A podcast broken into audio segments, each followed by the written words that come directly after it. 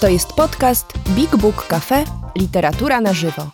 Najlepsi pisarze i ich książki na scenie. Ważne premiery, wyjątkowi goście, zaskakujące tematy. Rozmowy, spektakle i słuchowiska. Prosto z literackiego pępka świata. Posłuchaj i sprawdź, co mamy w repertuarze. Wejdź na bigbookcafe.pl lub odwiedź nas osobiście. Do zobaczenia i usłyszenia Dzień dobry Państwu, Państwu e, e, publiczności zgromadzonej tutaj e, w Big Book Cafe przy ulicy Dąbrowskiego na Mokotowie w Warszawie. I dzień dobry Państwu przed odbiornikami różnego rodzaju. E, którzy z nami również dzisiaj, mam nadzieję, będziecie i posłuchacie e, naszej rozmowy ze wspaniałymi, e, mojej rozmowy ze wspaniałymi rozmówczyniami. Dzisiejsze spotkanie nosi tytuł Inaczej to czuję o neuroróżnorodności w literaturze. Ja się nazywam Anna Sańczuk, a ze mną moje wspaniałe gościnie Katarzyny, Katarzyna Michalczak i nie, Katarzyna Szaulińska. Katarzyna Michalczak. Wiedziałam, że to zrobię, że zamienię te nazwiska. To taki żarcik. Taki żarcik oczywiście. E, no bo tak, e, Katarzyny, poetki, pisarki. E, no i tutaj może już trochę się rozjeżdżają te historie, e, bo aha, jeszcze powiem matki, bo to chyba też jest e, ważne. Mm, ale tak, Kasia Szaulińska to także psychiatrka, psychoterapeutka. O tobie wiem, Kasiu, że ty jesteś doktorą socjologii, więc tu są jeszcze tego rodzaju backgroundy, że się tak wyrażę. No i jesteście autorkami książek, w których takie spojrzenie właśnie na pewne mm, elementy mm, nietypowej, e, jakby to powiedzieć, e, psychiki, psychiki czy podejścia do rzeczywistości, czyli tej neuroróżnorodności, o jakiej mówimy, się pojawiają. To są zupełnie dwie różne książki, ale właśnie to je łączy. E, książka Kasi Michalczak, Synu jesteś kotem, ja ją tutaj pokazuję. To jest właściwie literatura faktu, tak bym powiedziała wyjściowo, własna historia, może taki, taka autoopowieść, auto, auto reportaż, autointrospekcja, e, opowieść o relacji matki i syna e, dorosłego już dzisiaj ze Spektrum. E, I druga książka Kasi Szaulińskiej, Czarna ręka, Zsiadłe mleko. To są właściwie debiutanckie twoje opowiadania. Mm, w których pojawiają się właśnie takie elementy światów wewnętrznych e, albo opisywane światy e, osób właśnie takich, jakby to powiedzieć, wychodzących poza, poza pewne normy, e, jeśli chodzi o, no właśnie, o stany psychiczne, o percepowanie rzeczywistości. Mm, chcemy dzisiaj rozmawiać o tym, właśnie jak rozmawiać, jak pisać o neuroróżnorodności, która mm, jakoś się tak powiedziałabym mocniej zaznaczyła ostatnimi czasy w różnych rozmowach, w różnych dyskusjach. E, nie wiem na ile to się właśnie przekłada do końca na to, y, jak się życie tych ludzi zmienia z, z takimi pewnymi ograniczeniami, które chociażby na przykład w spektrum autyzmu e, się pojawiają. E, natomiast więcej się o tym mówi i mówi się często też w takim kontekście powiedzmy powiedzmy medycznym czy naukowym, poznajemy nowe rodzaje na przykład e, tego spektrum, o którym tu mówimy, na przykład spektrum, bo u ciebie w książce akurat pojawią się też różne inne e, stany psychiczne czy, czy, czy, czy odmienne stany świadomości, to tak nazwijmy. A właśnie, a, a jak to jest z literaturą? Bo y, y, wy użyłyście do opowieści swoich e, no, formy literackiej, formy książkowej. Czy, mm, czy rzeczywiście e, jest tak, że jak się mówi o tym, że czytanie książek to jest wejście w świat innego, zawsze, za każdym razem wchodzimy w jakiś inny świat, to czy pisanie o na przykład o relacji e, z osobą neuronietypową, albo o takich doświadczeniach, na przykład myśląc o, o Twoich pacjentach czy ludziach, których spotykasz. E, czy to pisanie właśnie jest takim wejściem, po, pozwala na, na, to wejście e, w, w, świat e, tych ludzi, lepszy niż na przykład, nie wiem, używanie właśnie języka medycznego, czy chodzenie tymi ścieżkami naukowymi? Jakie jest Wasze spojrzenie na to? Która Katarzyna zaczyna? Michalczak, Kasia. Myślę, że no, nie ma co orzekać. Ja mogę powiedzieć o jakimś swoim doświadczeniu, na, które zdobyłam pisząc tę książkę.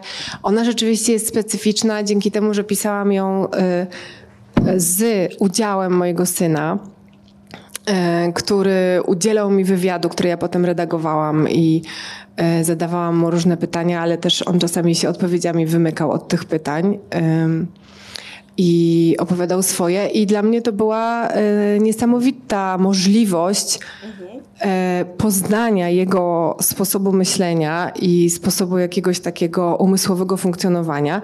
I mimo, że jestem jego matką i wtedy on miał 17 lat, więc no od 17 lat znałam tą osobę dosyć blisko, to bardzo dużo w myśleniu o Radku pisanie tej książki mi przewartościowało, więc no dla mnie to też miało zdecydowanie jakiś taki aspekt y, poznania tego innego, po prostu jeden do jednego.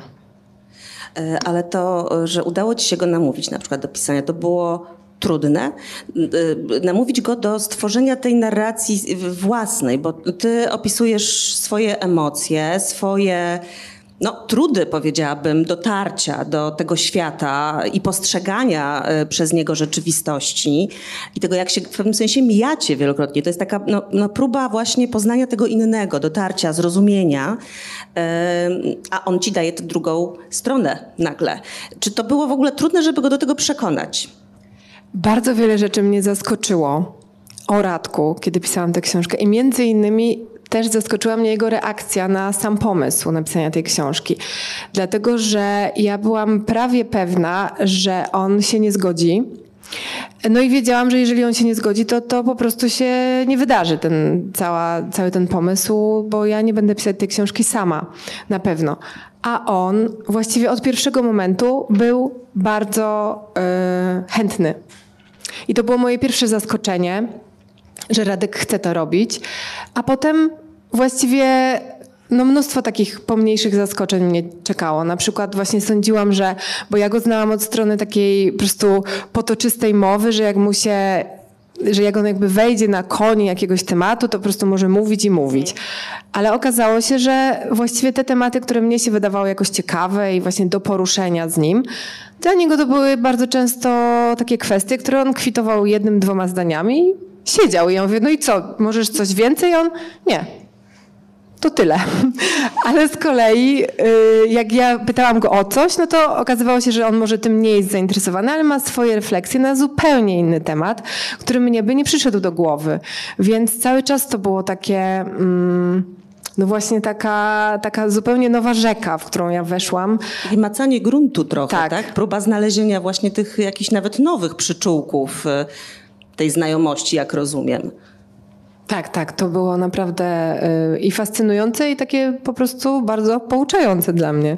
I z tego co wiem, dla Radka też, bo on się dowiedział takich rzeczy o mnie, yy, których yy, no po prostu pewnie w innych okolicznościach by się nie dowiedział i też do tamtej pory też ich nie poznał. On zresztą nawet sam to mówi w książce w którymś momencie, że kiedy podsumowujemy sobie cały ten projekt, że Y, obydwoje dowiedzieliśmy się o sobie rzeczy, których po prostu pewnie inaczej byśmy się nie dowiedzieli. To jest trochę taka też e, forma no, te, te, te, terapii w pewnym sensie, to pisanie. Tak? To jest twórczość i terapia jednocześnie, tak bym powiedziała. E, chciałabym jeszcze, mm, zanim przejdę do mm, Twoich doświadczeń, Katarzyno, to chciałabym Cię zapytać jeszcze, Kasiu, Kasiu, Katarzyno, e, Kasia Michalczak, chciałam zapytać o to, mówisz, że się dowiedziałaś też rzeczy fascynujących, że pewne rzeczy Cię zaskoczyły. To ja od razu zapytam, co to były za rzeczy? Co takiego się pojawiło w tej relacji pisanej, nazwijmy to, waszej relacji w pisaniu, co się nie pojawiło w waszej relacji rzeczywistej? Zaskoczyła mnie mądrość mojego dziecka. E, bo ja wiedziałam, że on ma różne swoje mądre jakieś e, przemyślenia, spostrzeżenia, ale nie zdawałam sobie sprawy z tego, że to jest taki spójny system. I że jak on zaczął mi opowiadać o tym, jak on widzi świat i życie, i nie wiem, jakąś perspektywę swoją na życie, to to po prostu ma ręce i nogi totalnie. I może być innym, a nawet chwilami zupełnie innym spojrzeniem niż moje, e, ale jest no takie bardzo e, pełne. Mm, no i to mnie zaskoczyło i to też mówi coś o mnie, że y, pewnie można powiedzieć, że nie doceniałam go przed pisaniem tej książki, nie doceniałam jego sposobu myślenia i jakiejś takiej głębi jego myślenia. E, no ale też y, to się brało z kolei z tego, że właśnie nigdy nie mieliśmy okazji o takich rzeczach, o jakich rozmawialiśmy na okoliczność książki, porozmawiać. E, nie mieliśmy okazji, nie mieliśmy żadnych narzędzi. Ta książka stała się takim narzędziem dla nas właśnie do nawiązania kontaktu. O tym się nie da porozmawiać wprost. Jak na to patrzysz? O tym się tylko da napisać. Tak myślisz? Nie wiem, może po prostu w naszym przypadku tak było, że właśnie to było jakieś takie, bo jest tak, że Radek bardzo lubi opowieści, bardzo ceni opowieści. No ja e, w ogóle kocham takie życie codzienne, ale kocham też e, tekst i, i jakoś gdzieś się spotkaliśmy w tym, że, że, że do każdego z nas ta forma wypowiedzi jakoś przemawia.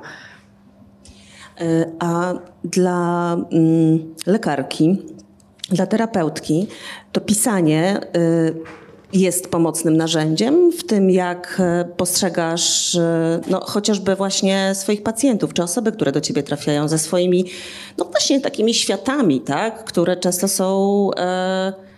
Jakby to powiedzieć, w jakimś trzęsieniu ziemi albo w jakimś dramatycznym oddzieleniu. Opisujesz w swoich opowiadaniach nie tylko takie ja bym powiedziała, obrazy, które przybliżają do, do świata autystyków, czy, czy jak w Urodziłam Księżyc na przykład, tak? czy, czy um, tam jest jeszcze y, cała taka część, która jest poświęcona, nazywa się Z drugiej strony, y, gdzie pojawiają się też różne inne osoby, jakieś elementy, nie wiem, jest depresja na przykład, tak? czy depresja poporodowa, czy przynajmniej ja to tak y, widzę, czy jakieś inne postrzeganie chociażby zmysłowe rzeczywistości. Czy to narzędzie, mm, którym może być książka, jest pomocne?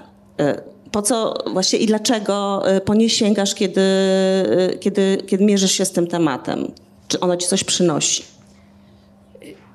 No, to nie jest tak, że w tej książce opowiadania, które zawarłam tam, są bezpośrednim, zmetaforyzowanym zapisem moich doświadczeń z konkretnymi osobami. Więc to jest myślę, że inne doświadczenie pisarskie niż, e, niż Kasi. E, ale myślę, że sam problem, który leży u podstaw, jest dla mnie dużo łatwiejszy do obejrzenia. Jeśli na przykład e, weźmiemy to opowiadanie o Księżycu, które ja nawet nie sądziłam, że ja piszę o, opowiadanie o e, byciu mamą e, nieprzeniknionego dziecka. Neuroatypowego dziecka. Tylko po jakimś czasie się zorientowałam, że to jest chyba o tym, ale że to jest w ogóle o doświadczeniu e, rodzicielstwa, o doświadczeniu kontaktu z kimś, kto jest inny, nie mówi, kto jest, e, kim się trzeba opiekować, z kim trzeba nawiązać kontakt. I e, myślę, że jakąś nieświadomą inspiracją było dla mnie wtedy myślenie o, o matkach dzieci z.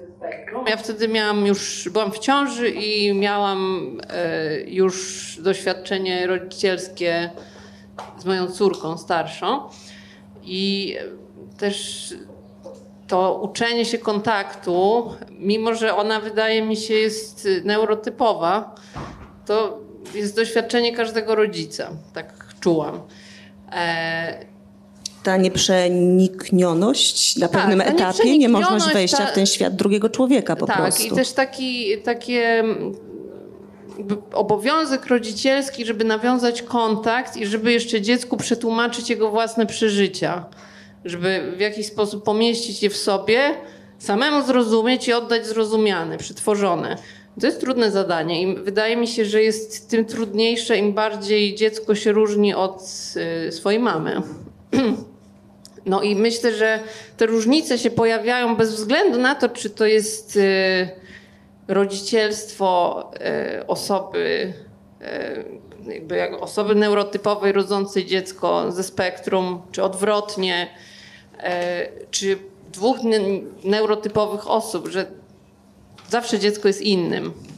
E, I zawsze ten kontakt jest, y, to jest coś, czego się uczymy. I w jednym z tych opowiadań Śreżoga, kiedy no, opisana jest depresja poporodowa może, zmetaforyzowana jako niewidzenie własnego dziecka, mhm.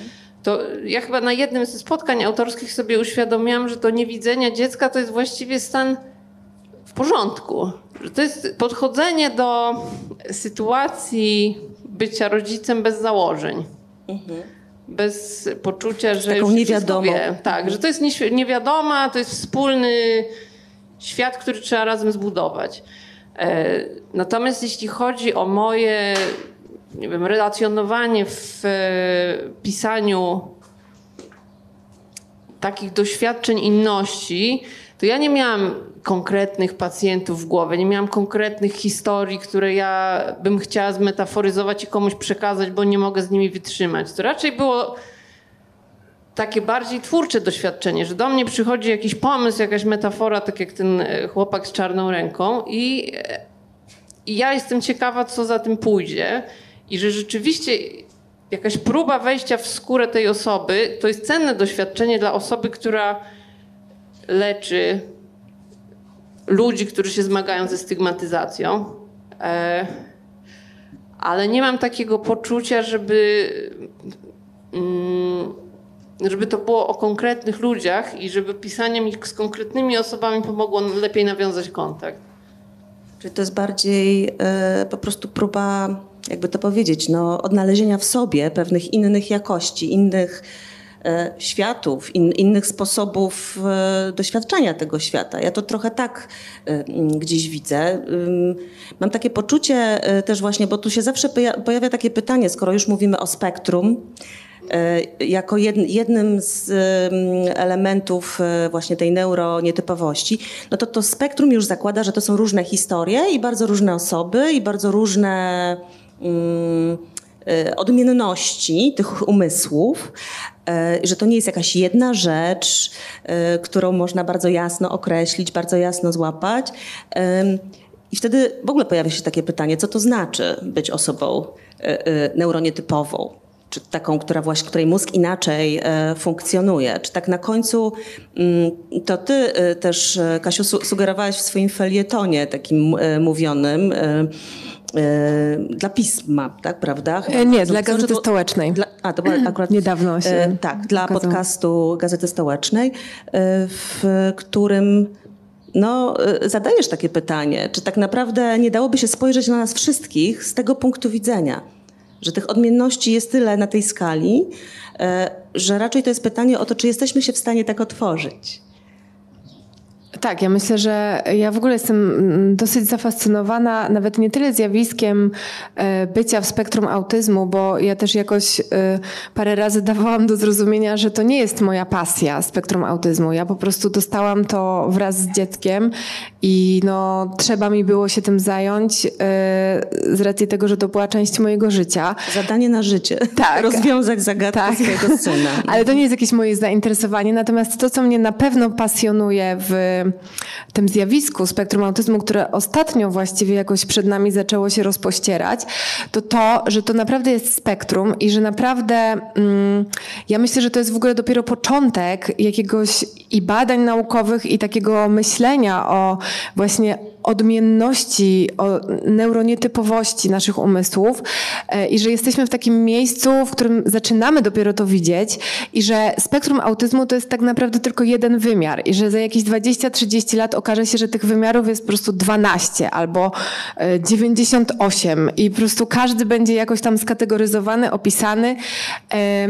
I też, yy, i po prostu będą one dotyczyły zupełnie innych rzeczy, bo ja na przykład właśnie też na okoliczność, yy, po pierwsze Radka w ogóle, ale potem też książki podczas jej pisania, a potem jeszcze potem podczas rozmaitych rozmów na temat książki, zadawałam i zadaję sobie pytanie, no Kasia, na ile ty jesteś autystyczna, no nie?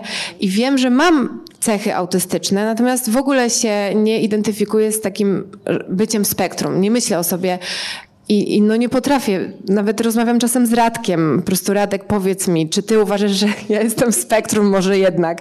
A on mówi, nie mamo, proszę cię, przestań tak zwracać na siebie uwagę. ty w spektrum. A ponieważ Radek ma y, aspiradar, jak to też pisze w książce, no to jakoś tam ufam jego ocenie. Nie mówiąc o tym, że też y, rozwiązywałam różne takie testy, które no owszem są, y, nie, nie mają jakichś znamion po prostu badań y, lekarskich, ale jakoś tam dają coś do zrozumienia i w tych testach zawsze mi wychodziło, że właśnie jestem wręcz przeciwieństwem osoby w spektrum. Natomiast totalnie widzę w sobie właśnie jakieś takie atypowe zjawiska mojego umysłu. Na przykład to, że ja mam taki umysł psychodeliczny, myślę. To znaczy bardzo jest mi łatwo wejść w jakiś stan psychodeliczny zupełnie bez udziału żadnych substancji. I po prostu no, to jest moje doświadczenie od dzieciństwa. I, I bardzo często mi się zdarza, kiedy osoby na przykład mi opowiadają o jakichś swoich doświadczeniach z substancjami, to ja po prostu patrzę na nie ze zdziwieniem, bo ja to mam po prostu co niedziela. I, i też jakby... Ale właśnie w niedzielę do ciebie przychodzą te psychodelie, to ciekawe bardzo, zamiast mszy. Tak, tak. Myślę, że to Msza pewno... psychodeliczna co niedzielę. Byłam wierzącym dzieckiem, więc myślę, że to się mogło tak przetransponować. Ale na przykład też jestem synestetką, więc to też jest no, neuroatypowość, rodzaj neuroatypowości. I mówię, mówię o swoim. samo. No właśnie.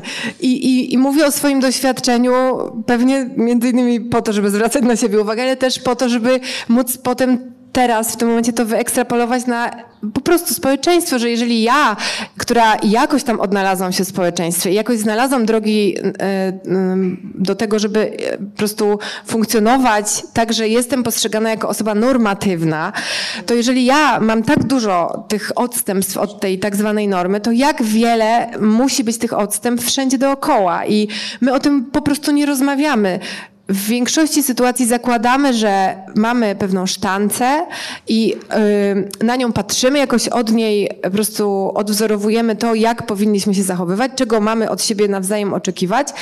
No a to nie jest prawda.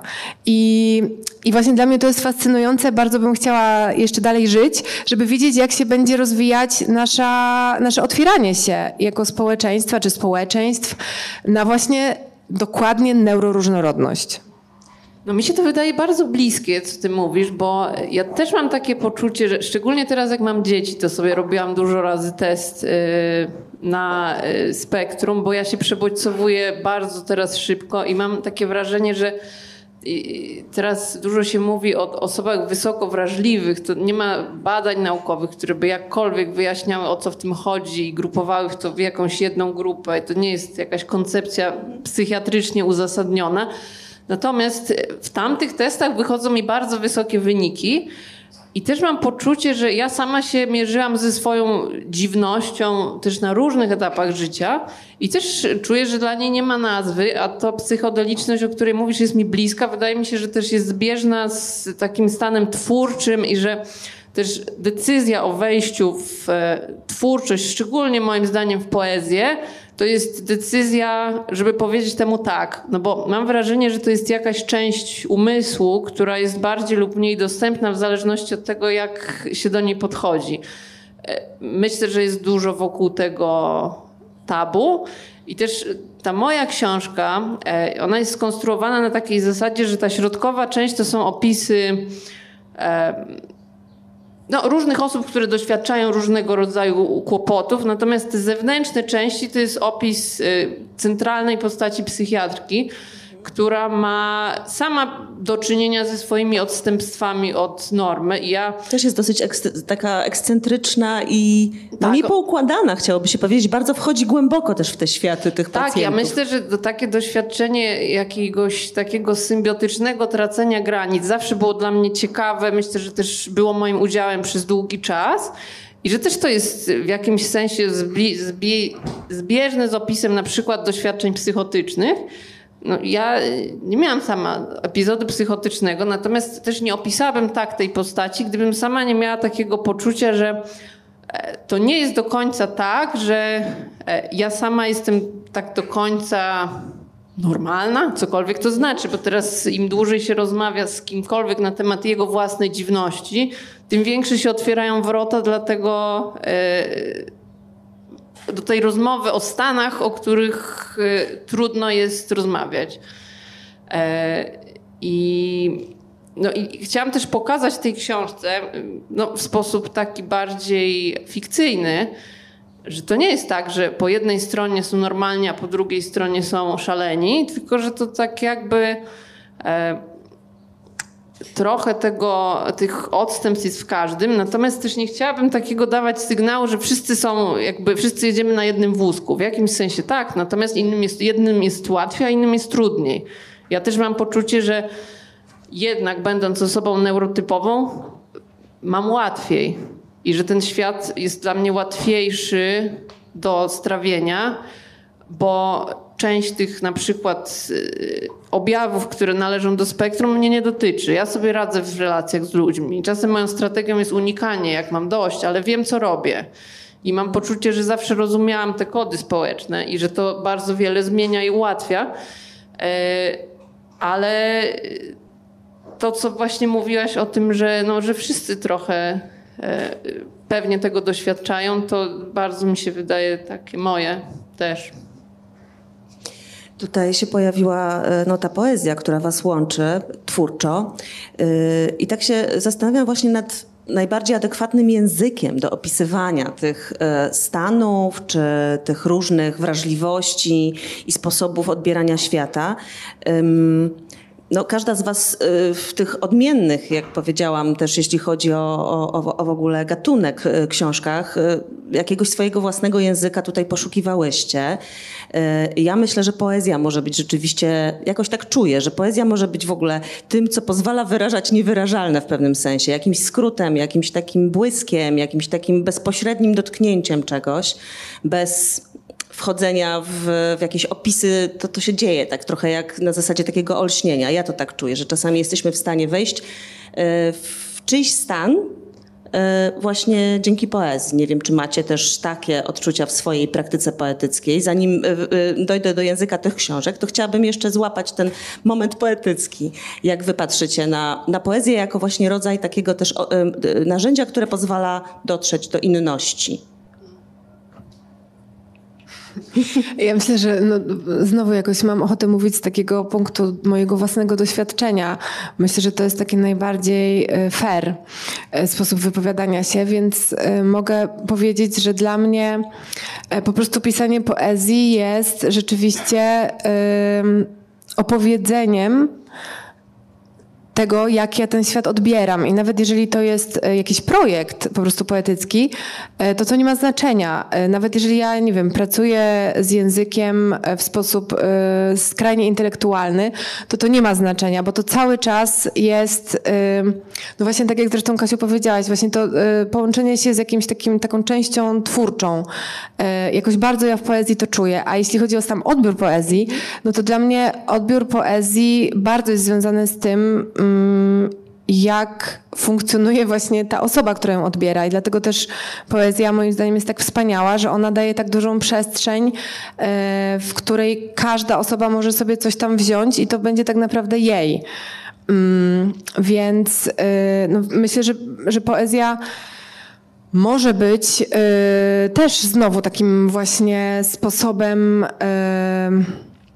komunikowania się umysłów bez komunikowania się ich i czymś takim zupełnie pomiędzy, mm, co niekoniecznie potrzebuje takiego nazwania e, bardzo dokładnego. No po prostu poezja jest poezją. I, tutaj, to jest w niej super. I tutaj nie ma tych szufladek właśnie, że y, y, pewien konkretny rodzaj umysłu może tylko odebrać tę poezję, tak jak mówisz. To jest jakaś taka przestrzeń, w której się mogą odnaleźć jakby różne typy wrażliwości i różne typy komunikacji. niezależnie od tego, czy mają jakieś właśnie zaburzenia, czy nie mają, czy mają jakieś deficyty, czy nie mają, czy mają jakieś y, przeskalowane, na przykład, nie wiem, sposób odbioru. Trochę piszesz tutaj w opowiadaniach o takich osobach, które inaczej na przykład mm, odbierają świat też zmysłowo, prawda? Co, za, co w pewnym sensie no, zmienia też funkcjonowanie w tym świecie. Pewnych rzeczy unikasz, a inne ci sprawiają szczególną przyjemność, e, a inni tego nie widzą. Inni czują to inaczej. Wydaje mi się, że w przypadku poezji rzeczywiście jest tak, że tutaj to jest taka przestrzeń wolności w pewnym sensie twórczej. Dużo bardziej niż e, no, takie bardziej e, dookreślone e, gatunki. No, trochę tak, ale ja mam też takie doświadczenie, bo napisałam książkę poetycką i prozatorską póki co. I jeśli chodzi o odbiór... I, scena, I, scenariusz komiksu, zdaje się, dobrze tak, pamiętam? Scenariusz komiksu, teraz napisałam też dramat. I wszystkie gatunki po kolei, tak, ćwiczyć. Przelatujemy. też komiksy. E, całe sama. E, natomiast y, ja mam poczucie, że poezja, którą ja produkuję, to jest być może na tamtym etapie to było chyba najbardziej autystyczne moje działanie, jakie ja twórczo y, emitowałam. I ja miałam takie poczucie wtedy, jak pisałam książkę drugą osobę, że to są takie rzeczy, które powstają w relacji mojej ze mną samą. E, I że ja nie mam poczucia, że ja bym chciała do kogoś do tego zaprosić, komuś na kimś zrobić jakieś wrażenie. I jeśli chodzi o odbiór, to wydaje mi się, że proza pisana przeze mnie jest dużo bardziej gościnna, w takim sensie, że wiadomo o co chodzi. I że y, ten język staram się uprościć do, jakby do granic możliwości i zostawić obraz, który do każdego rzeczywiście może przemówić po jakoś w jego języku. I wydaje mi się, że poezja, szczególnie współczesna, to ona może być gościnna dla osób, które lubią poezję. A dla takich, co nie, no to się wydaje po prostu jakimś być może bełkotem. I, ja y, jakby nie mam z tym jakiegoś problemu. Nie życzę sobie, żeby wszyscy ją czytali z jakimś wielkim zamiłowaniem. I że chyba dalej poezja dla mnie jest takim najbardziej intymnym doświadczeniem. Mam wrażenie największego kontaktu z moją nieświadomością. I moją intencją też jest właściwie coś takiego, jak to, o czym ty mówisz, żeby ta treść, którą ja przekazuję, wpadała w nieświadomość innej osoby i tam ewokowała inne obrazy niż we mnie ewokuje. Że to nie jest taka, że to nie jest komunikacja tego, co moje, tylko uderzanie w czyjeś. Natomiast na ile to działa, to, to nie wiem. Fajnie było jakby tak. E, ale myślę, że do opisu inności to mi się proza bardziej przydała, a u ciebie to jest właściwie nawet nie reportaż, wywiad. I to jest, myślę, bardzo taki głęboki opis inności. To, co zrobiłaś z tej książce.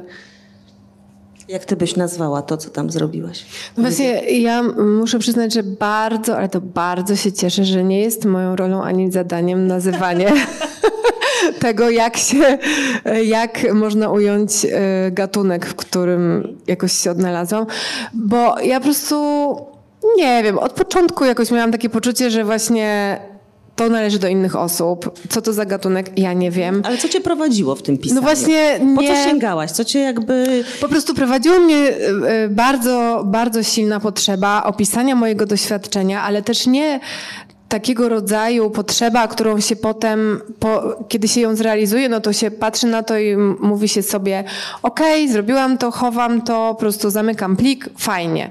Tylko rzeczywiście od początku myślałam o tym, że chcę to opublikować, bo chcę, żeby inne osoby to przeczytały. I no właściwie znowu y, ten kontakt, no nie? Ja też jakoś piszę y, trochę w książce, ale też w sumie dosyć dużo jakoś to powtarzam więc no, nie robię z tego tajemnicy, że dla mnie w ogóle kontakt i relacja to jest coś bardzo ważnego w życiu. E, relacja jakby tak mm, dużą literą pisana i, mm, i po prostu jakoś byłam i w relacji z Radkiem, pisząc tę książkę, i w relacji z wyobrażoną czytelniczką e, czy czytelnikiem, e, i w relacji też z samą sobą z przeszłości, z samą sobą z przyszłości. Po prostu mnóstwo tych relacji się tam kotłowało i i, I to jest chyba dla mnie jakąś taką kwintesencją tego, mm, co, co mnie prowadziło.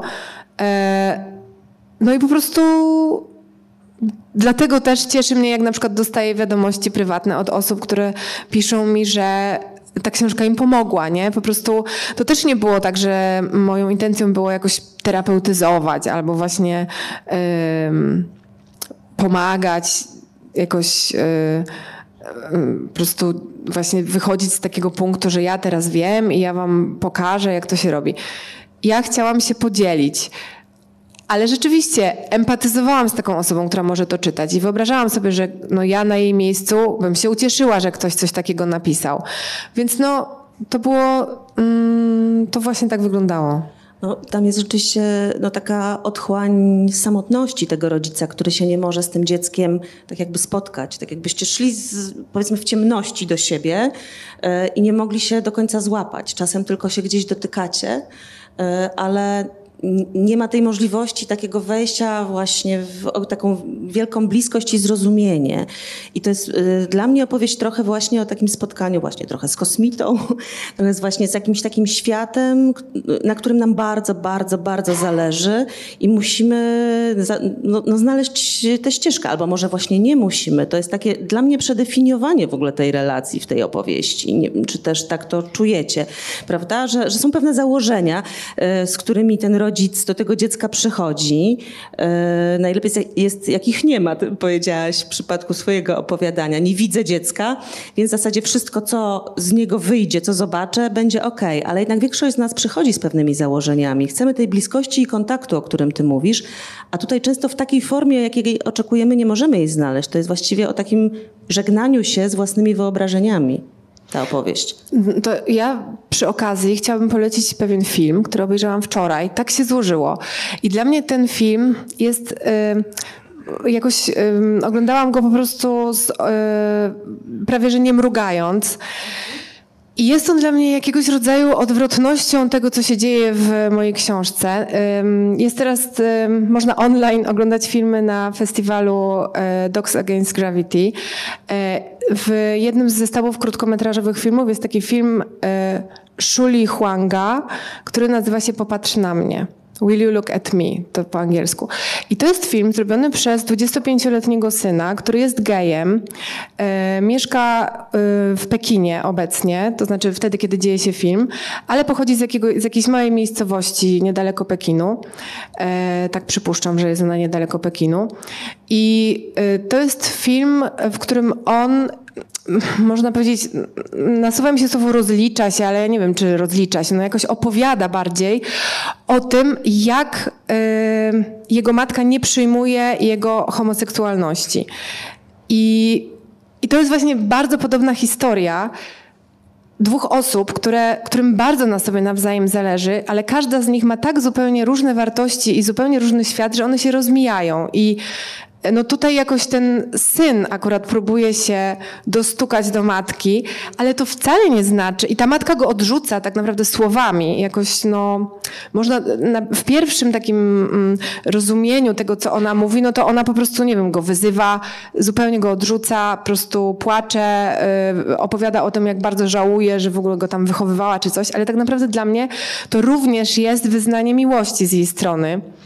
E, tylko po prostu no, ono jest skąpane w takim zagubieniu, właśnie w takiej niemożności odnalezienia się w tym, że moje dziecko jest ta, tak bardzo różne ode mnie, że tak bardzo różne ode mnie, że ja aż nie jestem w stanie tego zaakceptować. I myślę, jest że... księżycem.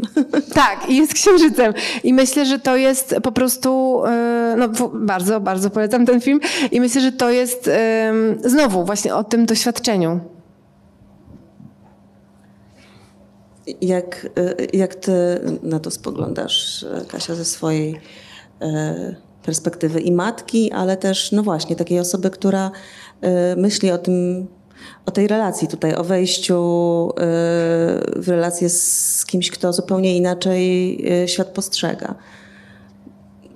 Mi się wydaje, że, że to, co jest najbardziej pomocne, to jest podchodzenie bez założeń, ale to jest trudne, bo e, to wymaga dużej samoświadomości i wiedzy o tym, że się je ma i, i, i, że to jest zawsze próba zawieszenia ich. Ja, moje doświadczenie rodzicielskie zrodziło taki koncept y, pogodnej rezygnacji. E, I bardzo się on podoba wszystkim rodzicom. Powiedziałeś mi coś takiego e, wczoraj, jak rozmawiałyśmy, że wcześniej jako mm, terapeutce i psychiatrce i w ogóle osobie e, mówienie nie wydawało ci się strasznie ważnym, potrzebnym elementem życia, ale jak się zetknęłaś z tym u swoich dzieci, to poczułaś, że to może być nie do uniesienia. Tak, ja właśnie opowiadałam takie moje doświadczenia ostatnich moich starć z naszą córką, mojej e, przyjaciółce, która jest reżyserką, nie ma dzieci, e, Kasi Machałek i ona mówi, Jezu, kocham jej, nie. Tak no też kocham jej, nie. Ale wolałabym Kocham nie nienawidzę. słyszeć go aż tak często. I takie uczucie, że właściwie, e, no nie wiem, zgodnie ze swoją intencją wychowuje osobę, która jest samostanowiąca i orientuje się, że ona jest samostanowiąca również niekiedy przeciwko mnie. I że dodatkowo jeszcze łapie się na tym, że ona jest kobietą, więc ja bym od niej na jakimś nieświadomym poziomie oczekiwała kobiecej solidarności, żeby ona też była po mojej stronie, a nie jest, bo jest dzieckiem. E, To to jest też taka duża rzecz dla mnie. Jakieś takie kolejne zbicie z pantałyku i mam wrażenie, że rodzicielstwo to jest seria takich doświadczeń, licznych psztyczków. I że jak się je, e, no trzeba znosić je z, myślę, z godnością, ale i z też... Z tą rezygnacją pogodną. no tak, ale też z takim poczuciem, że no, gdzieś istnieją granice tej rezygnacji i że też wydaje mi się, że w, w tym doświadczeniu rodzicielstwa się bardziej pojawia taki wyraźniejszy koncept tego, co jestem ja. A co są rzeczy narzucone z zewnątrz, co są oczekiwania nie moje, co są w ogóle oczekiwania i na ile na przykład ja no nie wiem, życząc sobie, żeby moja córka chodziła na zajęcia różnego rodzaju, na przykład muzyczne, nie mam sama ochoty pójść na zajęcia muzyczne i może powinnam zostawić ją w spokoju i sama się tym zająć. No i to jest seria takich rzeczy. E, I takiego też jakby poznawania, in, ale myślę, że też rolą, rola rodzica jest o tyle trudna i to jest w ogóle też moje doświadczenie, że szkoły psychoterapeutycznej, że że my y, byliśmy w naszej szkole psychoterapeutycznej w laboratorium psychoedukacji tak wychowani właściwie w takiej koncepcji traumy, że trudne doświadczenia z dzieciństwa skutkują rozwojem e, trudności w dalszym życiu. I dopiero tak naprawdę na zajęciach Justyny Dąbrowskiej e, okołoporodowych zostało, ja wtedy nie byłam mamą, kiedy, kiedy chodziłam na te zajęcia i chodziłam do szkoły, to więcej rozmawialiśmy o tym, że dziecko się już rodzi jakieś i że ono jest jakieś już od momentu, kiedy właściwie wychodzi z brzucha, że niektóre dzieci są bardziej temperamentne, inne mniej. Właśnie, mogą być bardziej neurotypowe, mogą być mniej neurotypowe, Tak, cokolwiek to znaczy. Na różne sposoby być podobne lub inne od rodziców. E, I, i też e, no, myślę, że mi się to też jakoś wiąże z takim moim rozwojem e, psychiatrycznym od stanu, w którym ja sobie tak myślałam, że właściwie ludzie chorzy to są normalni ludzie z doświadczeniem choroby i że to jest stygmatyzujące widzenie ich przez ten pryzmat. I im dłużej ja siedziałam też w psychiatrii, tym bardziej miałam poczucie, że być może jest odwrotnie, że zaniedbywanie tego, jak bardzo dla niektórych chorób jest konsty- chorób czy zaburzeń, jest e, kons- w sensie to, jak tożsamość wokół nich się buduje i że, opisy, że, że nie myślenie w taki sposób, że to jest jakaś centralna inność, to być może jakoś mija się z ich doświadczeniem. Ja e, też tak myślałam na przykład o osobach ze schizofrenią, że tak się nawet mówi, że lepiej jest mówić osoba ze schizofrenią, czyli osoba plus schizofrenia. Potem się zapoznałam z taką skalą IS stworzoną przez e, psychiatrę Józefa Parnasa. I ona opisywała to bardzo szczegółowo, w taki fenomenologiczny sposób, jak centralne jest dla nich doświadczenie niemojości doświadczeń i niepełnego zanurzenia w świecie. I że to jest coś, co ich naprawdę totalnie odróżnia od innych osób. I dla mnie to było dosyć e, wytrącające z równowagi, że wolałabym myśleć o tym, że wszyscy są tak naprawdę tacy sami, należą do jednej wspólnoty i tak dalej. I że te choroby to nie miałyby żadnego znaczenia. No a to było takie, że jest ten inny i bez em, jakiegoś nazywania tej inności znakiem dodatnim czy ujemnym, wgłębiam się w to doświadczenie. I myślałam o tym teraz w kontekście tego naszego spotkania, że to było dla mnie nawet nie tyle zmieniające jako dla psychiatrki, ale też jako dla twórczyni bardzo inspirujące. To opisywanie inności z dużą precyzją. Myślę, że też tak jak patrzę teraz na tę książkę, to tam to czuć.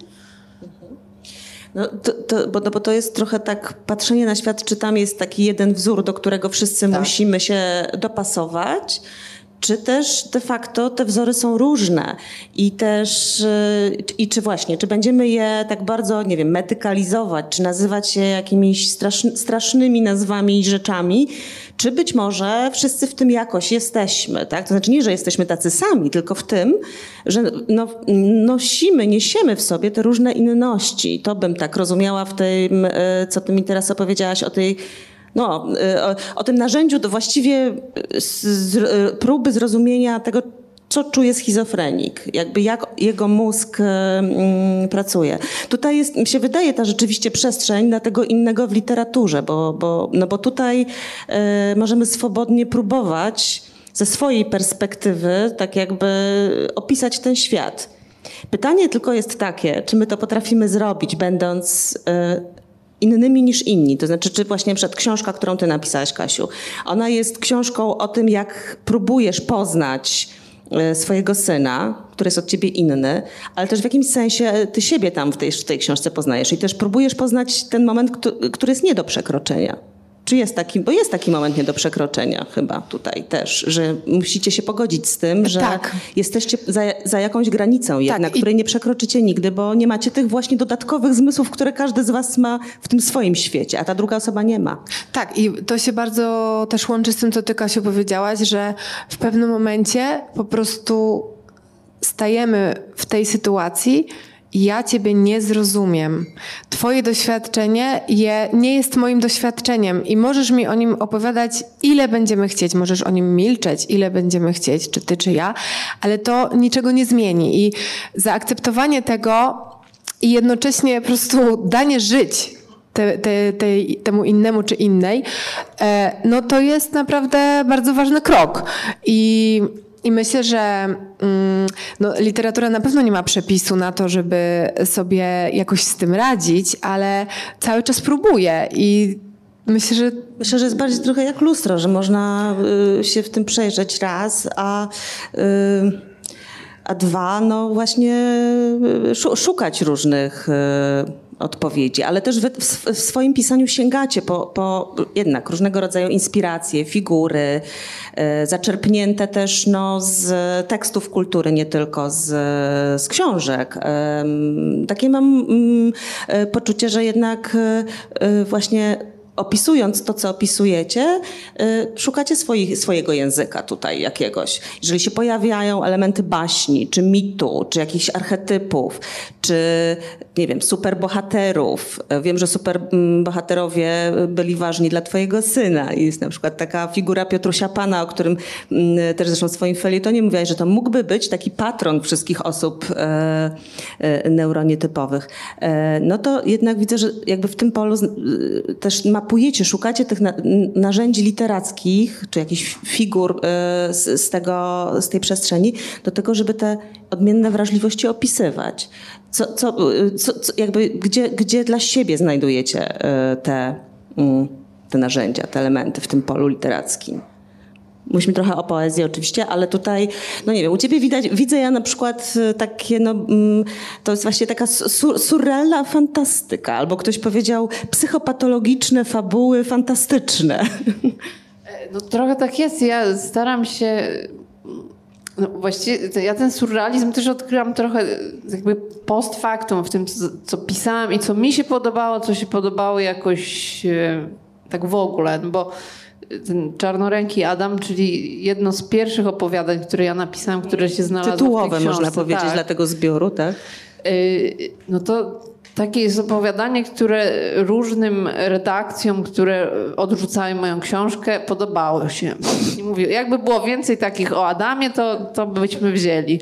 No ja to potraktowałam dosyć dosłownie i stwierdziłam, dobra, okej. Na- Chcecie, to macie. tak, jak jakoś tak wpadłam na to, o co w tym chodzi, jak to jest zrobione, jak, jak sama to zrobiłam, że jest jakaś, mm, mo, jakaś wi, możliwa do zobaczenia i fizycznie istniejąca odmienność, wokół której się cała zawija fabuła, no to tak stwierdziłam, okej. No i wtedy napisałam opowiadanie o Księżycu, jak to zrozumiałam. I tak poczułam, że ono też do mnie przemawia, w sensie do mnie przemawiają chyba w takim opisie takie rzeczy bardziej filmowe. Że Takie ja, obrazy, Tak, ja prawda? nie przepadam za długimi monologami wewnętrznymi postaci i też bardzo się staram je wyciąć z tego. W sensie one mi się same piszą, ale potem sobie tak jakby staram się je bardzo jakoś tak zredukować. Odsiać. Tak, że to zostaje chyba we mnie jako w autorce, więc ja wiem, co ta postać myśli, ale już chcę tego oszczędzić. Chcę, żeby to było raczej takie dzianie się em, jakoś e, no, bardziej wizualne. Takie, że to jest historia, która może w odbiorcy jakoś generować różne skojarzenia. E, No więc to, tutaj to była trochę, trochę taka metoda. No ale jak teraz, teraz piszę dramaty, to jest znowu taka może trochę inna metoda. Mam wrażenie, że e, no to jest fajne właśnie w procesie twórczym i myślę, że to się wiąże też, nie wiem jak ty masz, ale z moim doświadczeniem bycia inną od tych innych, których opisuję. Że dla mnie jest ciekawe opisywanie czegoś, co nie wiem. I dlatego ja nie piszę o pacjentach, których znam i których na przykład bym chciała zaprezentować jak na konferencji. I To mnie w ogóle jako twórczyni nie inspiruje. Raczej mam poczucie, że mnie inspiruje, jak do mnie przychodzi jakiś obraz i ja nie wiem, o czym to jest, i z tego nie wiem się robi cały napęd do dowiedzenia się. I stąd chyba takie doświadczenie ściany między mną i tym, co opisuję, jest wbrew pozorom bardzo chyba ekscytujący dla mnie. Jakiegoś takiej próby przeniknięcia w nieprzeniknionego. Albo takiego otoczenia go swoim językiem, żeby przynajmniej było wiadomo, jaki ma kształt. Oswoić. Tak.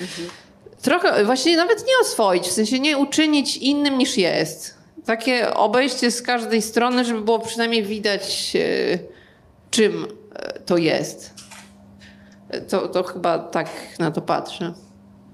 A ja w y, twórczości, w ogóle w tworzeniu jako procesie bardzo lubię to, że on może być różnorodny i że mogę się brać za najróżniejsze e, sposoby pisania i podejścia do pisania. I tak jak tę książkę, można powiedzieć, no, napisało mi się z jakimś takim konkretnym zaśpiewem i ona po prostu ze mnie wyszła, bo, bo chciała wyjść, tak...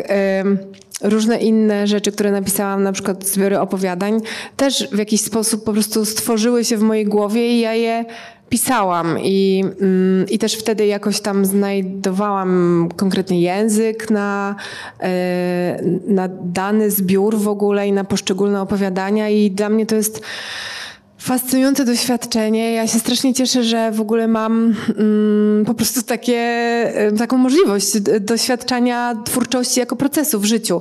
A ostatnio e, mm, przydarzyła mi się rzecz, e, która jeszcze nigdy w życiu mi się nie zdarzyła, a mianowicie coś właśnie bliskie stanu psychotycznego, ponieważ w ciągu, nie wiem, półtora tygodnia napisałam cały tom poezji.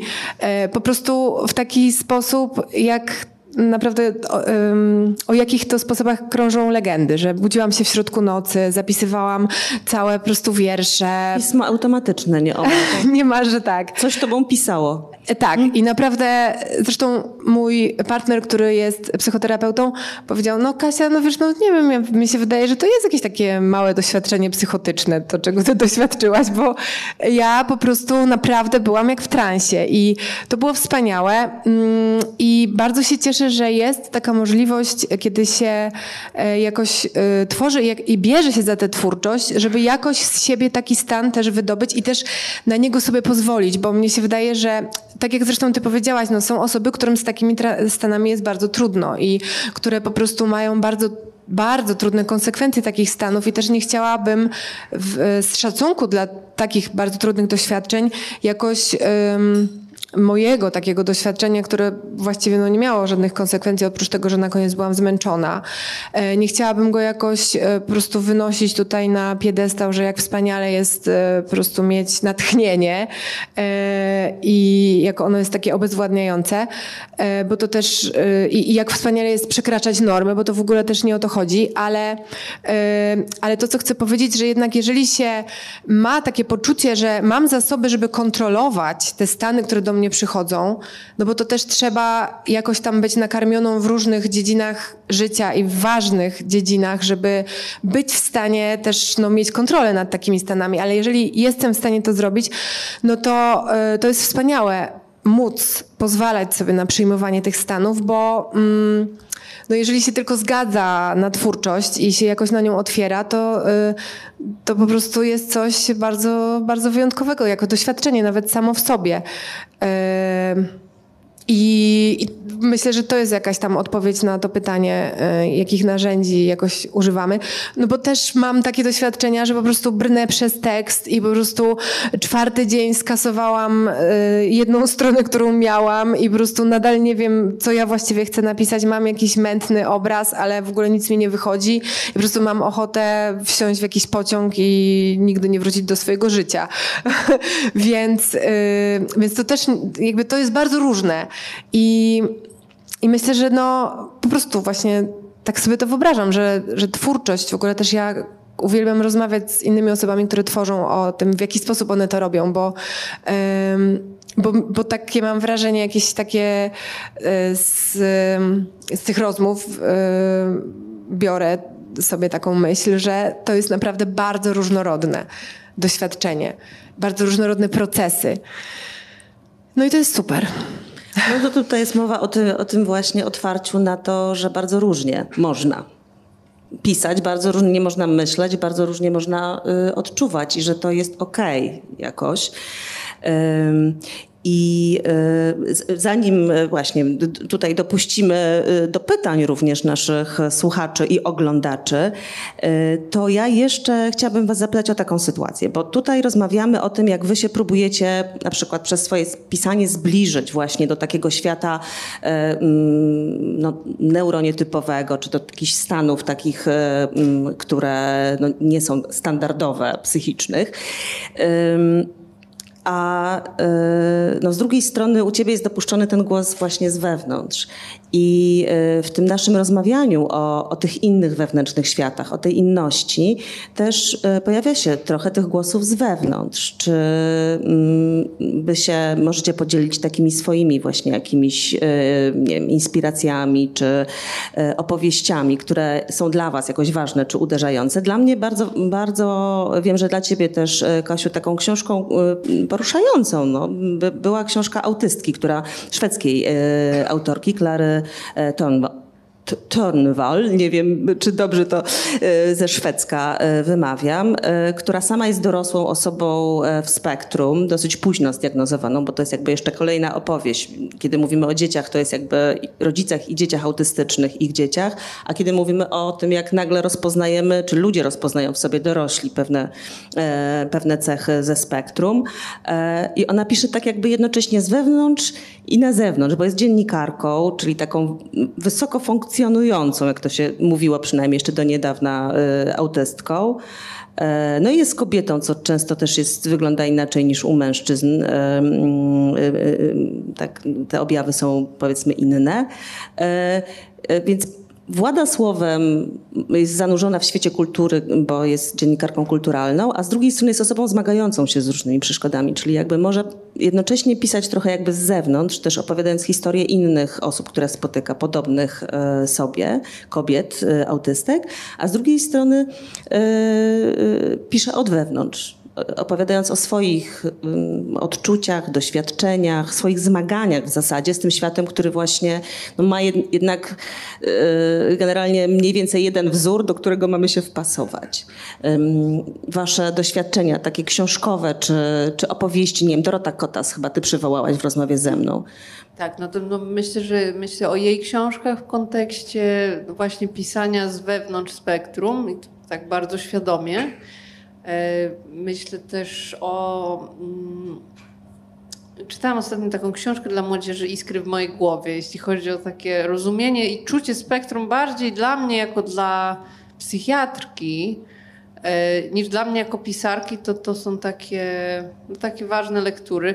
Ja też e, te autystki to ja dostałam od Marii Fredros-Moleńskiej, jak rozmawiałam o swojej książce już gotowej i wtedy też tak sobie jakoś dodałam dwa do dwóch i pomyślałam, że ja chyba napisałam coś na ten temat, ale chyba nie do końca świadomie. E, I ja, więc nie, nie mogę powiedzieć, żeby ta książka mnie inspirowała w trakcie. Tym, co mnie inspirowało w trakcie, była książka Frances Tastin. To są taki trudny tytuł. Wiesz, ja sobie gdzieś zapisałam Obrony nawet. autystyczne pacjentów neurotycznych. I tam było opisane o tym, jak Bariery autystyczne u pacjentów neurotycznych. Tak. O.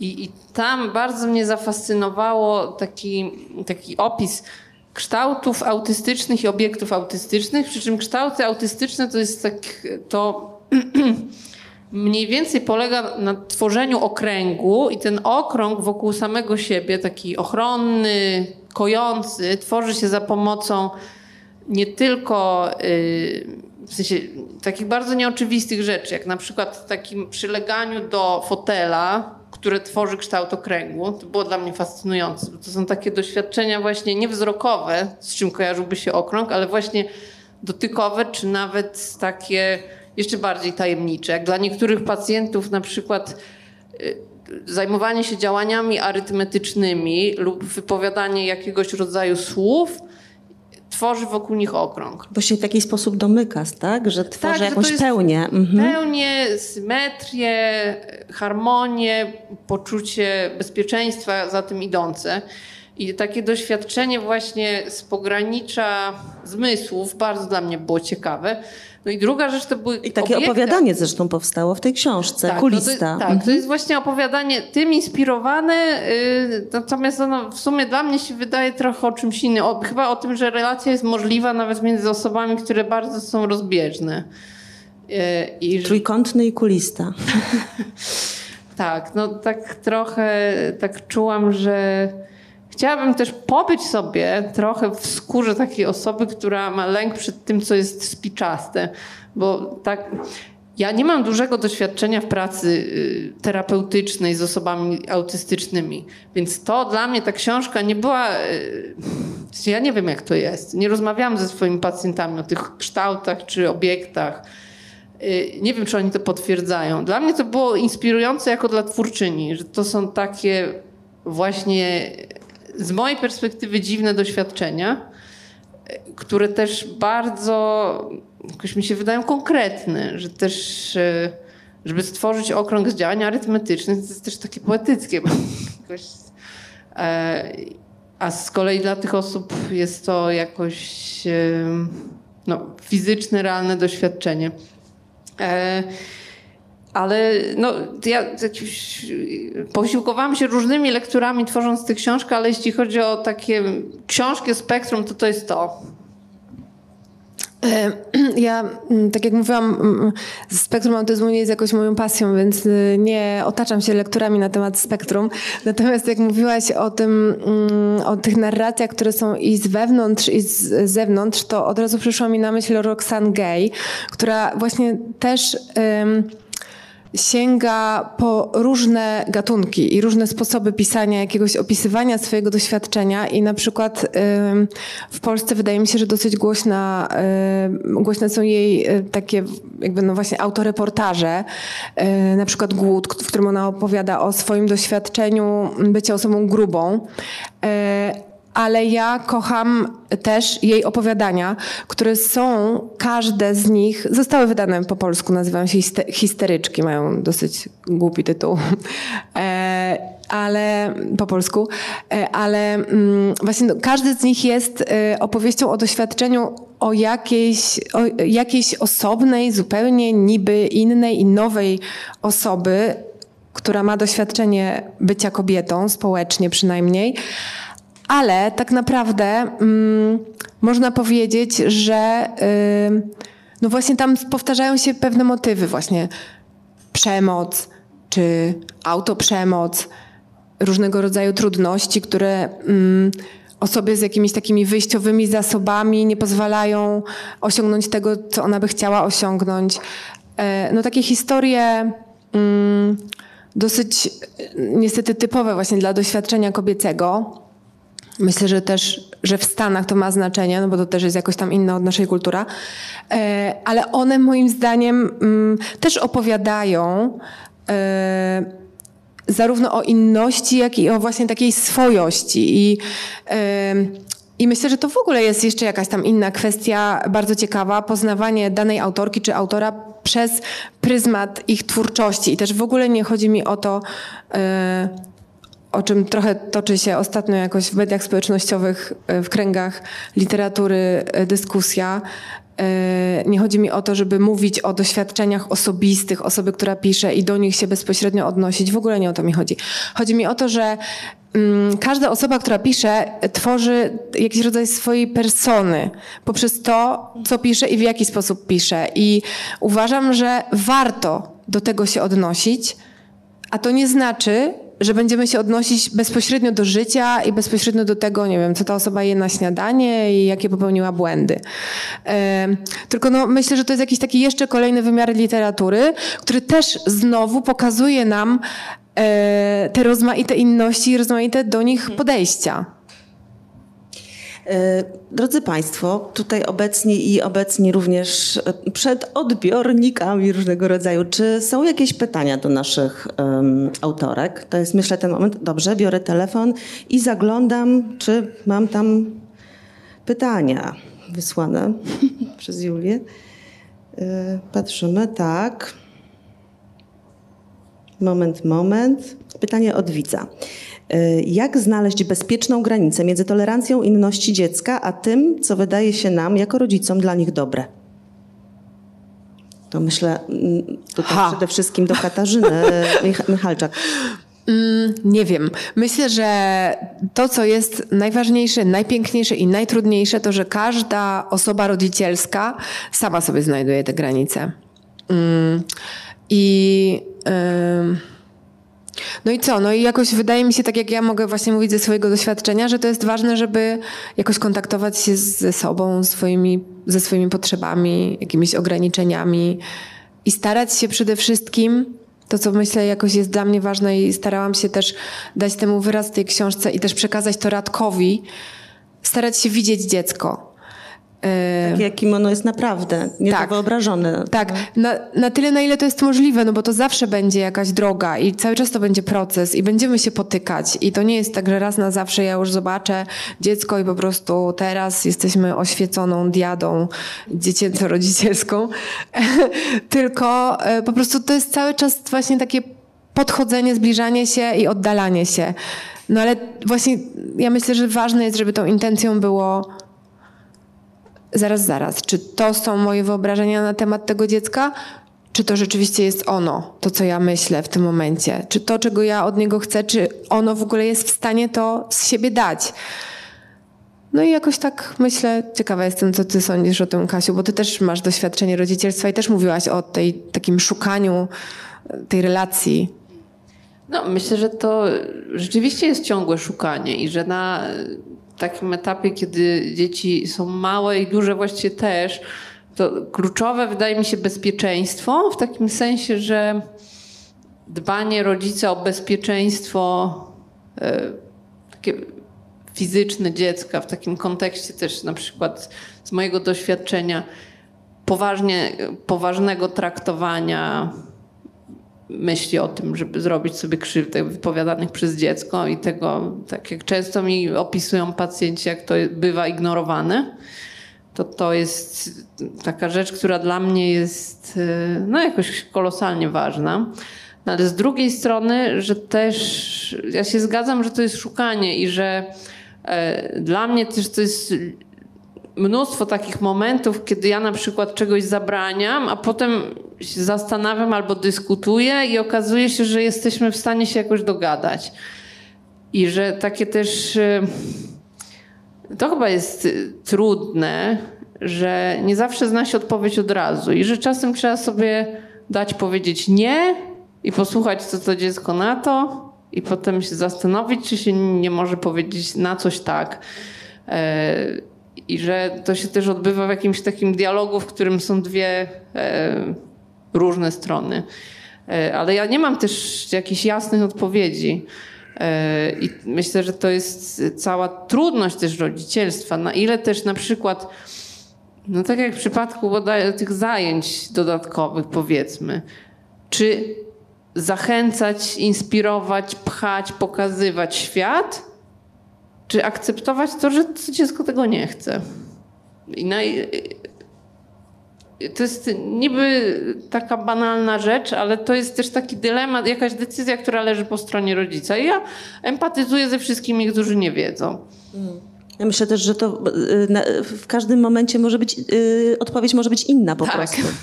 To, to z kolei jest moje doświadczenie rodzicielskie, że też nie ma jednej y, dobrej na każdą sytuację i na każdy moment i na każde dziecko. Tak, i że też ja sobie tak myślę, no, że każdego dnia nasze dziecko jest trochę innym dzieckiem My- i że tak. my też jesteśmy trochę inni. o tym. My też jesteśmy trochę inni. Ty chyba kiedyś mi opowiadałaś o tym, jak byś chciała zarejestrować w pisaniu taki proces y, wzrostu dziecka z dnia na dzień i że to jest takie nieuchwytne, że ono się staje z takiego małego dziecka większym dzieckiem. To o twoim drugim synu. E, I ja też jakoś tak to Nawet nie pamiętam, ale możliwe. Wraca to do mnie w każdym razie.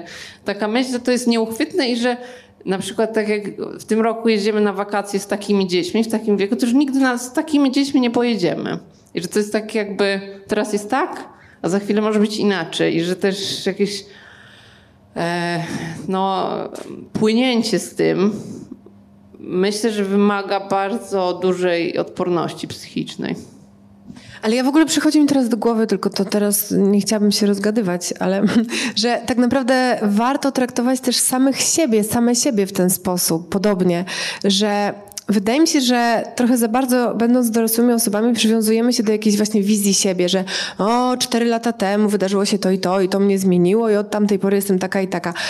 A może rzadziej właśnie zdarza nam się myśleć o tym, że nie wiem, tydzień temu coś mnie zmieniło. Wczoraj wydarzyło się coś, co sprawiło, że ja teraz jestem inną osobą i też względem mojego dziecka jestem inną osobą, bo na przykład teraz już nie powiem nie na coś, bo doświadczyłam czegoś, co po prostu sprawiło, że mam luz z czymś tam, nie? I to są takie bardzo drobne zmiany, które też wpływają na to, że ta relacja cały czas jest procesem, tylko że tak jest z każdą relacją, nie tylko z dzieckiem. Czy mamy jeszcze jakieś pytania? A może tutaj y, wśród naszej publiczności bigbookowej ktoś chciałby zadać autorkom jakieś pytanie jeszcze? Nie widzę. E, No, w takim razie e, odsyłam do książek. Synu, jesteś kotem, wydawnictwo Cyranka.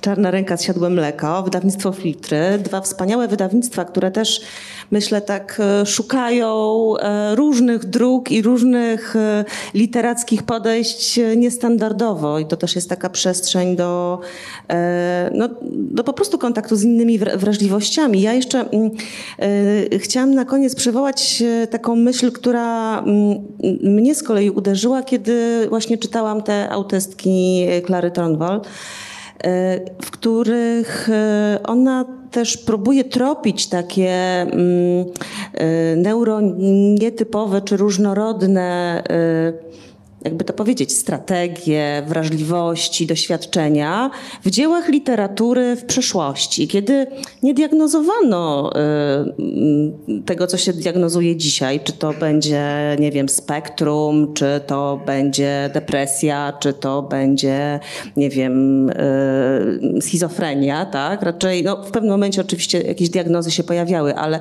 e, przynajmniej jeśli chodzi o spektrum, nie istniało jeszcze wtedy e, to określenie.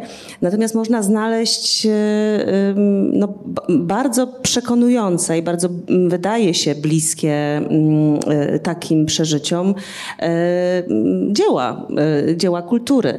E, Ona przywołuje tam od Louisa Carola po Emily Dickinson, ale też Simone Weil, gdzie właściwie, oczywiście to jest pewna hipoteza, bo nie da się tego udowodnić e, w tym momencie, nie mając tej osoby i nie mogąc przeprowadzić na niej tych testów. Ale to jest też trochę opowieść o tym, że to wszystko było i jest, tylko my się dopiero uczymy dostrzegać. I, i właśnie jakby sami ze sobą dogadywać się, jak, jak, e, no, jak z tym żyć, jak, jak sobie z tym radzić, chociażby właśnie w takich relacjach. Mm, Czy, mm, nie wiem, czy y, będąc osobami, które w literaturze i właśnie w tekstach kultury siedzą po uszy, miewacie właśnie takie momenty jakichś olśnień, że trochę tutaj przywoływałyście zresztą e, e, takie sytuacje, które nagle właśnie jakby pokazują, że można by było zupełnie inaczej ułożyć e, takie kanony na przykład literackie, patrząc z tej perspektywy. No, ja ostatnio mm, pracuję w Kosmosie dla dziewczynek. Ostatnio Mhm. miałyśmy taki cykl, który zbliżał się do tego, jak funkcjonują, funkcjonują dziewczynki w spektrum, a co za tym idzie kobiety w spektrum, więc jakoś będąc w tym procesie w pracy też zaczęłam się interesować y, y, właśnie tym, jak funkcjonują kobiety w spektrum. I no, bardzo dużo moich ukochanych pisarek czy poetek, jak sobie tak zaczęłam myśleć, no to moim zdaniem w swoim pisaniu, w sposobie, y, w jaki przeżywały świat, czy w jaki oddawały ten świat w tekście, e, no jakoś stykały się z tymi cechami autystycznymi, tak jak one są opisywane. E, Nawet wiem, że w tej książce autystki autorka cytuje w pewnym momencie Sylwię Plath i też od razu jak przeczytałam ten cytat, pomyślałam sobie, Sylwia Plath kiedyś bardzo byłam nią zafascynowana właśnie jako taką postacią literatury, bo jej wiersze może nie są moimi ulubionymi wierszami, ale cenię je, natomiast ona jako postać i to jak bardzo... Mm, no, po prostu w jaki sposób ona w ogóle funkcjonowała, zafunkcjonowała w literaturze, w historii literatury, to jest dla mnie fascynujące, a szczególnie było kiedyś.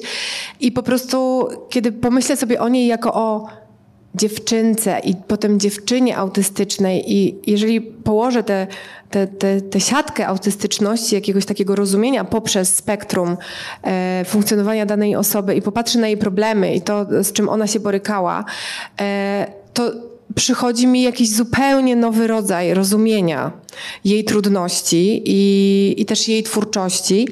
I też nie mówię tego w takim celu, żeby teraz po prostu wszystkie osoby, które tworzyły kiedykolwiek Diagnozować. diagnozować i w ogóle otrzepać ręce mamy załatwione. Tylko myślę, że to jest rzeczywiście taki nowa, ciekawa perspektywa, którą stosujemy i po prostu fajnie jest jakoś nawet się tym pobawić, no bo możemy się tylko pobawić, no bo już nie pomożemy Sylwii Plath, ponieważ niestety y, poniosła śmierć. Ym, ale, ale możemy właśnie jakoś tam się zaciekawić To jest, może być też opowieść o tym, że, że właśnie ciągle y, nie ma albo nie było na przykład wtedy też tego miejsca dla tych osób, które mm, czują inaczej, y, odbierają inaczej. Tak? To ciągle jest ta opowieść o, o braku tej przestrzeni na ten trochę y, odmienny sposób funkcjonowania. Tak, nie muszą one być zdiagnozowane, ale właśnie chodzi o to, że mm, tak bardzo dojmujące jest to doświadczenie tej odmienności i ono jest i korzystne dla osoby, no bo jakoś tam może owocować twórczością, która też jest po prostu jakimś e, niestandardowym sposobem funkcjonowania umysłu, ale może też być brzemienne w takie bardzo negatywne skutki. Mi tak y, nie przychodzą do głowy, przychodzą do głowy pisarze, którzy no, według innych doniesień mieli chorobę dwubiegunową. Czyli na przykład Virginia Woolf czy Ernest Hemingway, którzy tak, no to są, to nie są może e, jest chyba jedna lektura Ernesta Hemingwaya. Natomiast wydaje mi się, że w szkole się mało patrzy na pisarzy przez pryzmat tego, z czym oni się zmagali w obszarze swojego życia psychicznego. I że właściwie dla mnie to e, takie spojrzenie ma mocno taką destygmatyzującą rolę w takim sensie.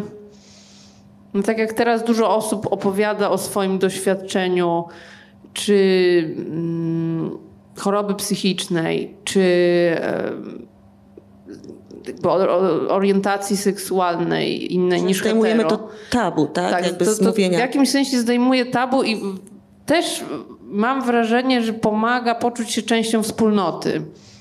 E, że nawet jeśli to nie jest wspólnota z osobami, które żyją, czy które e, można poznać, to jest jakieś, mam wrażenie, no, trochę lekarstwo na osamotnienie. Jakieś takie poczucie, że istniał kiedyś ktoś, kto chyba dzielił moje doświadczenie w jakimś sensie. Wydaje mi się, że to jest takie, e, no, takie czarodziejskie w literaturze.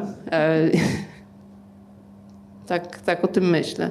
I, I mam wrażenie, że więcej się powinno o tym mówić też przede wszystkim w szkole, która jakoś tak kształtuje też, myślę, dla młodych ludzi podejście do samych siebie. E, I takie e, nawet samo wyobrażenie, że ktoś, kogo, nie wiem, dzieła teraz omawiamy, naprawdę zmagał się z czymś ciężkim, no to wydaje mi się, że to jest inspirujące. To jest e, trochę jak e, ty, Kasiu, Kasiu Michalczak, mówiłaś o e, ulubionych przez twojego syna w dzieciństwie superbohaterach, że właściwie on widział siebie w nich. W sensie, że takie dziecko spektrum na przykład, no, to jest dziecko z jakimiś specjalnymi cechami, odbiegającymi od tak zwanej normy, przynajmniej w tym takim spojrzeniu tradycyjnym.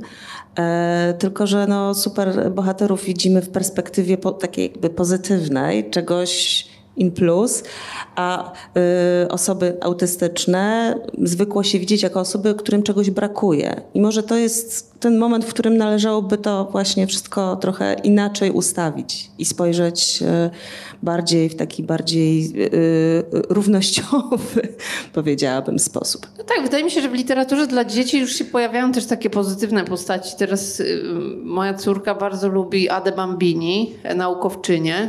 I ta, cała nazwa tej kreskówki książki to jest Ada Bambini, naukowczyni, więc tam się pojawia też feminatyw, to po prostu cudowna sprawa. Więc mam wrażenie, że takich postaci, które no, w jakimś sensie są opisane przez pryzmat spektrum, nawet nie nazywając tego dosłownie, jest coraz więcej. I to nie są postaci, które się zmagają z cierpieniem, po prostu raczej przedstawiane przez pryzmat jakichś specjalnych po zdolności. takie są, tak. Mają supermoce swego rodzaju. Zresztą mówienie o spektrum też e, w dużej mierze e, z ramienia osób w spektrum samorzeczniczek, samorzeczników też jakoś, może w Polsce nie jakoś wyraziście, ale wiem, że w Stanach na przykład idzie w kierunku właśnie mówienia o tych wręcz nawet nie to, że mm, no, mamy trudności i różne możliwości, tylko właśnie to są nasze świetne cechy, jakieś takie właśnie. Na, nasze zasoby. Tak, nasze zasoby, które y, sprawiają, że w pewnych okolicznościach, w pewnych sytuacjach właśnie jest nam łatwiej niż osobom neurotypowym. I myślę, że o ile y, y, to no oczywiście y, po prostu to podejście pachnie jakimś takim hura optymizmem, który też jest swego rodzaju zakłamywaniem, to jednak jest to ciekawy taki zabieg, nawet e, intelektualny, żeby sobie pomyśleć e, o sytuacji przy przykładowej osoby w spektrum właśnie jako sytuacji uprzywilejowanej. I co nam to wtedy zmienia w patrzeniu i na tę osobę, i na nas jako społeczność? E, myślę, że to jest takie dobre ćwiczenie dla nas wszystkich, a literatura na pewno pomaga, jak już mówiłyśmy w tym, żeby czasem spróbować właśnie odwrócić to spojrzenie i, i trochę no, w ten świat y, nam, dla nas nieprzenikniony wejść. Dziękuję Wam bardzo za tę rozmowę.